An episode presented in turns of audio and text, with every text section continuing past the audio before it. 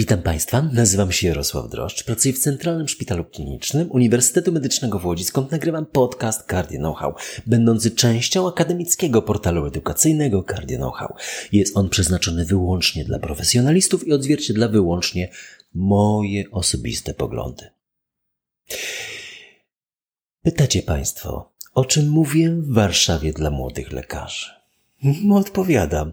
10 mitów przewlekłych zespołów wieńcowych.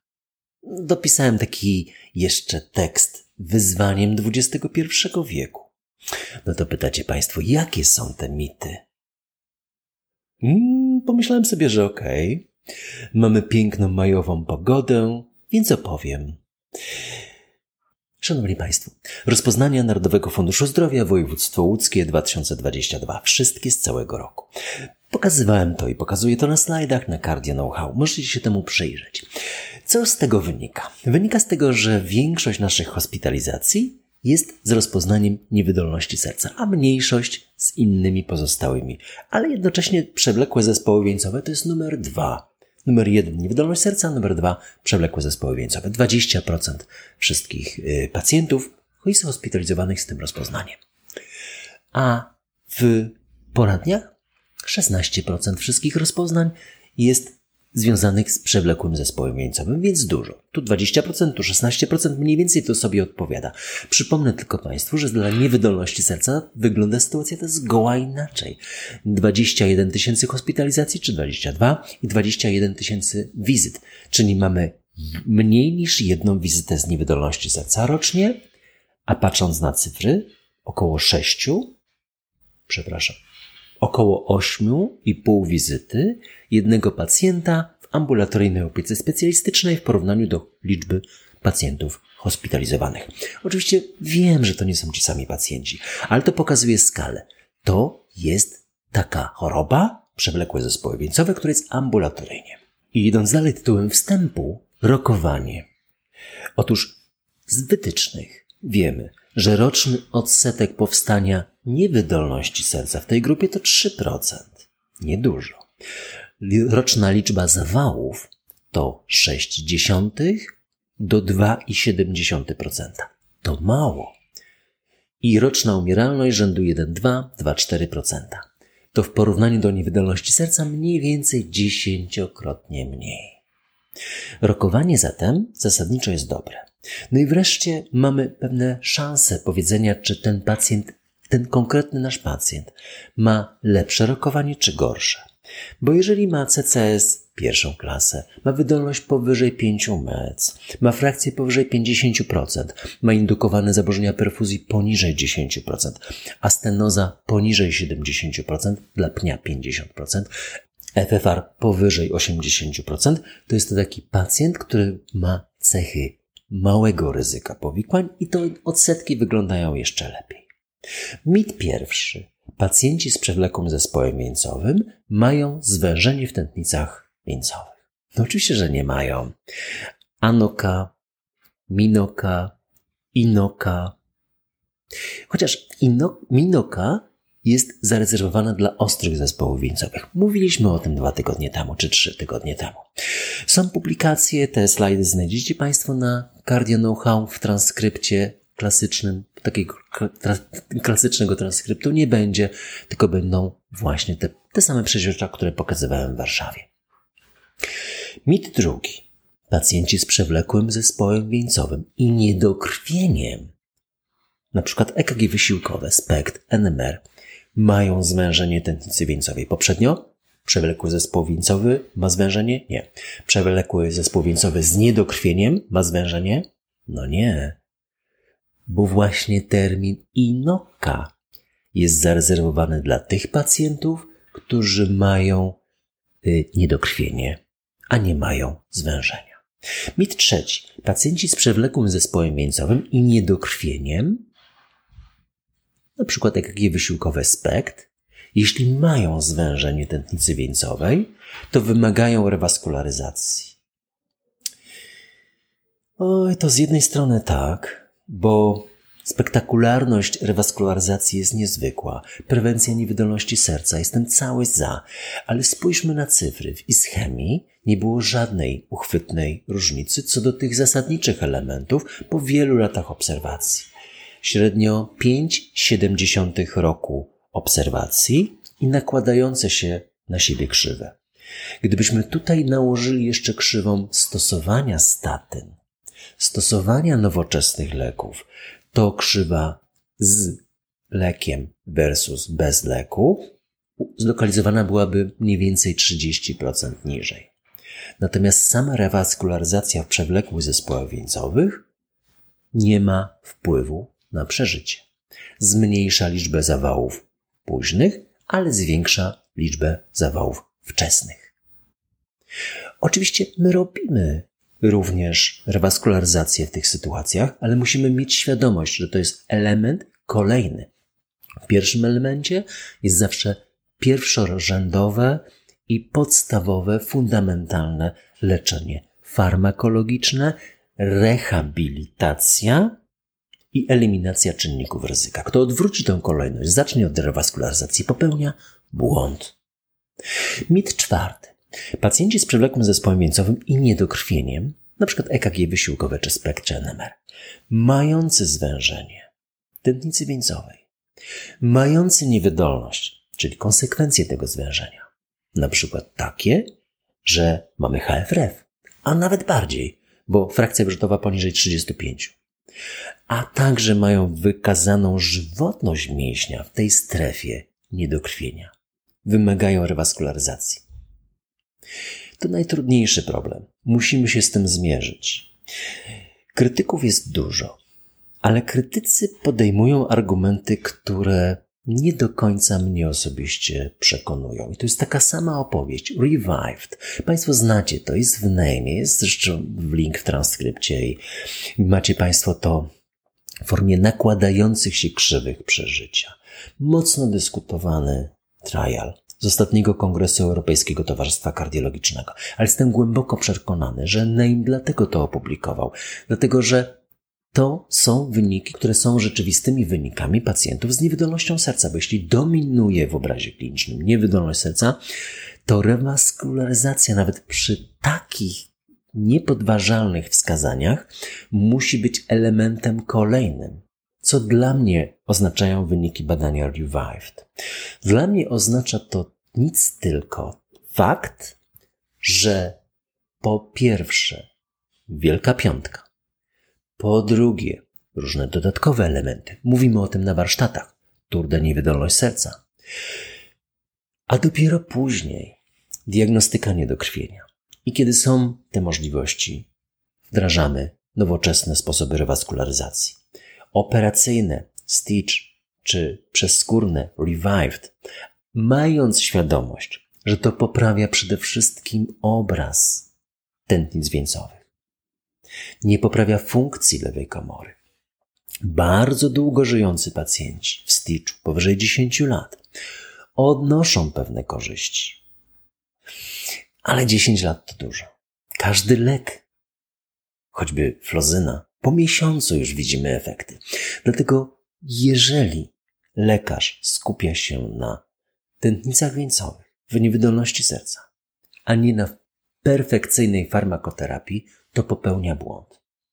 Taka bardzo ważna y, myśl pana profesora Marcina Grabowskiego z ostatnich warsztatów, będziemy jeszcze o tym mówić, to trzy miesiące optymalnej farmakoterapii i potem elektroterapia. Wiecie Państwo, co to znaczy?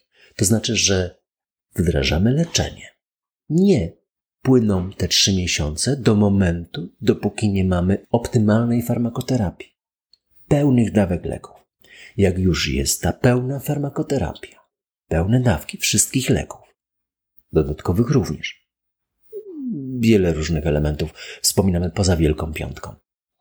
To dopiero wtedy zaczynamy odliczać te trzy miesiące, a potem sprawdzamy frakcję wyrzutową i oczywiście szerokość QRS. I szósty. Pacjenci z przewlekłym zespołem wieńcowym i planowaną operacją niekardiologiczną wysokiego ryzyka wymagają koronarografii i rewaskularyzacji przed zabiegiem. Szanowni Państwo, popatrzcie na taką grafikę na ostatnich wytycznych z 2020 roku. jest na stronie Polskiego Towarzystwa Kardiologicznego. Mamy ryzyko związane z pacjentem i ryzyko związane z operacją. Popatrzmy na to dokładnie. To jest takie dziewięć bardzo ładnych niebieskich i jedna czarna kuleczka. Cóż to oznacza? Z tych dziewięciu osiem dotyczy sytuacji, kiedy umiarkowane bądź duże ryzyko, bądź małe, łącznie z umiarkowanym, dużym bądź małym ryzykiem. Z wyjątkiem jednej sytuacji, kiedy duże ryzyko pacjenta kojarzy się z dużym ryzykiem operacji. Bo wtedy wytyczne mówią rozważ odroczenie bądź rezygnację z operacji. Rozważ. To jest moment na koronarografię, rewaskularyzację. Są różne scenariusze, ale to jest jedna dziewiąta tych wszystkich elementów, bo we wszystkich pozostałych ośmiu jest słowo zwiększona uwaga, czyli słowo nadzoruj.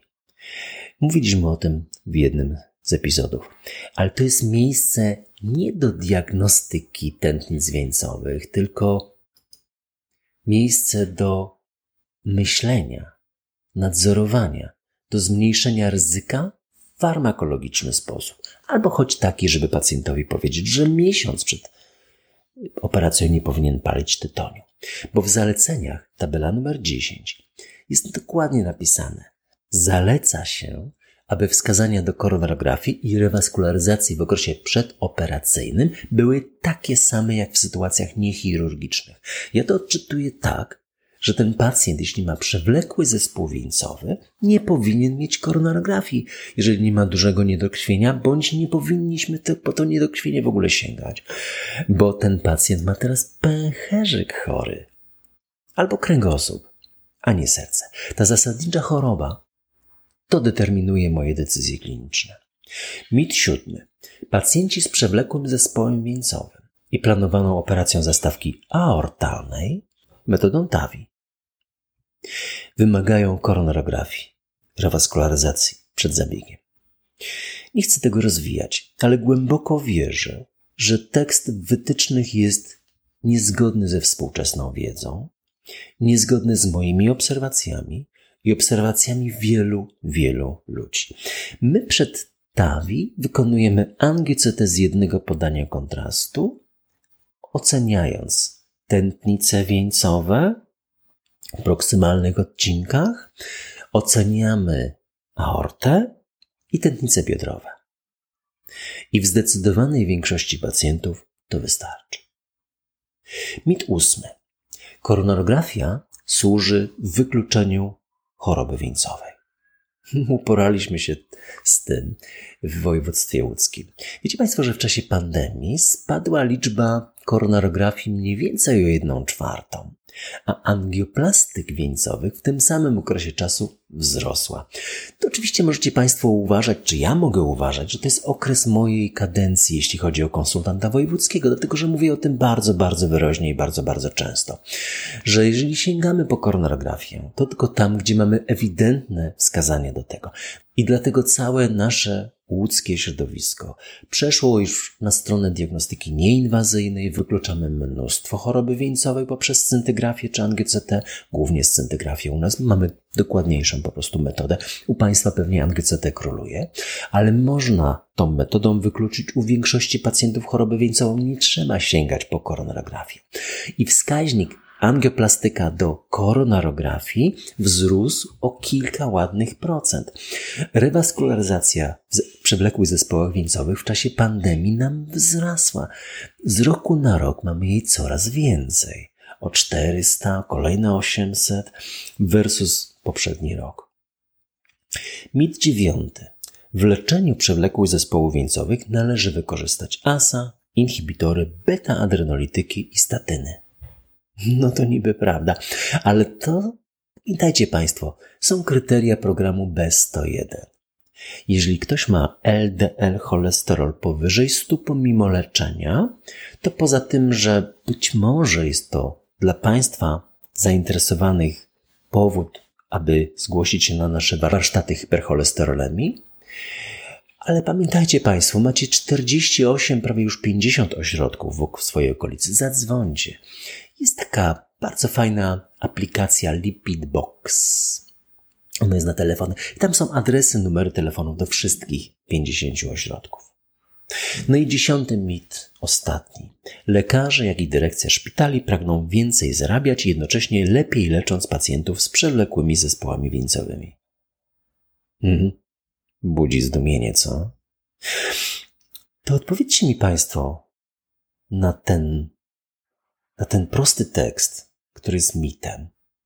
Dlaczego Kos Zawał ma reprezentację w moim województwie 31%?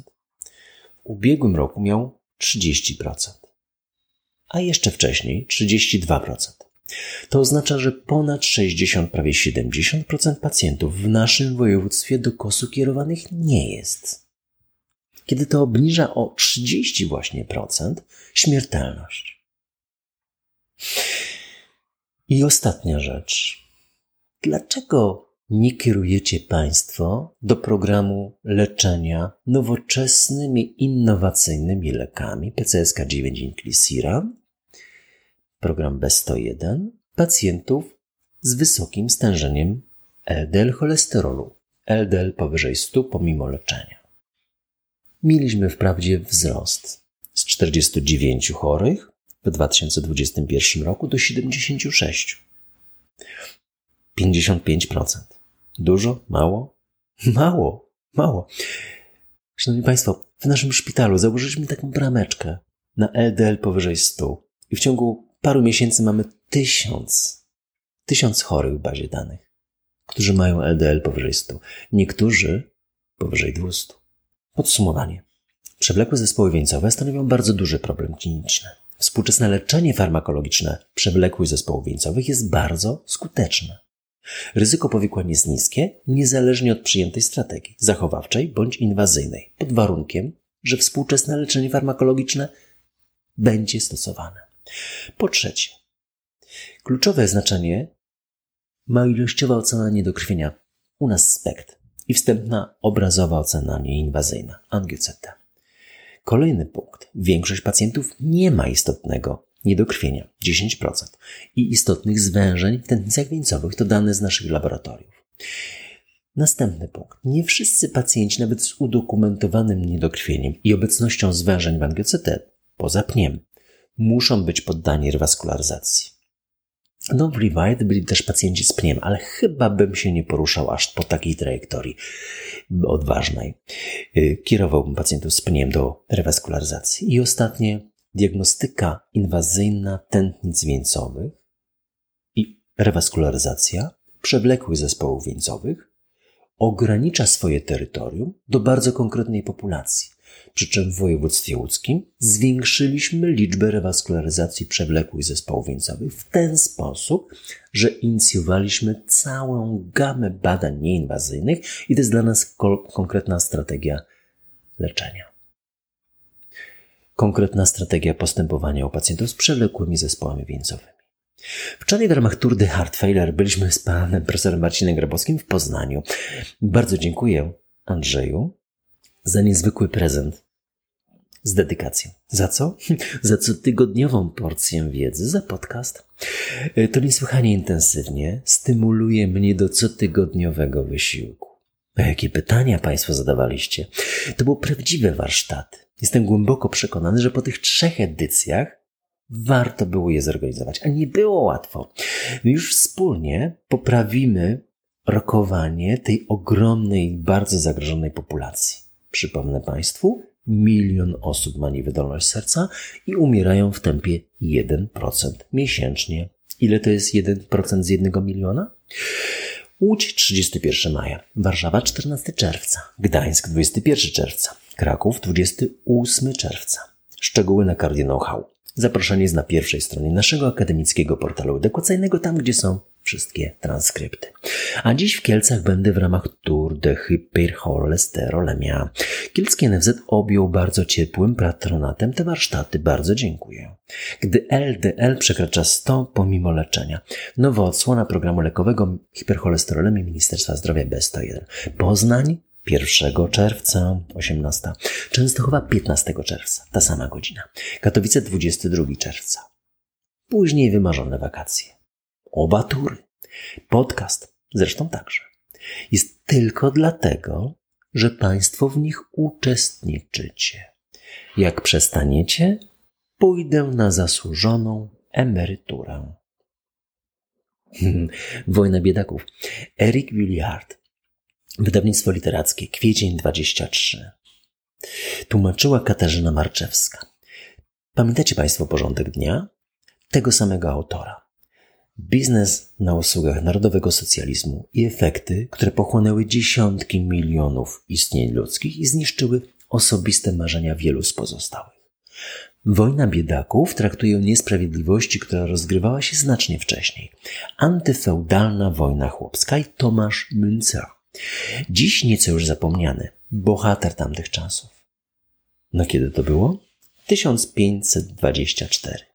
Dlaczego Bóg ubogich w tak niepojęty sposób staje zawsze po stronie bogaczy? Czytamy na okładce tej niewielkiej, niespełna stustronicowej publikacji. Powieści. Jeśli Państwo będziecie mieli jakieś uwagi, komentarze, pytania, kierujcie na media społecznościowe Cardia Know-how. Będę też Państwu bardzo wdzięczny za promocję podcastów wśród lekarzy oraz komentarz, choćby jednym słowem i oceną. Slawa Україні.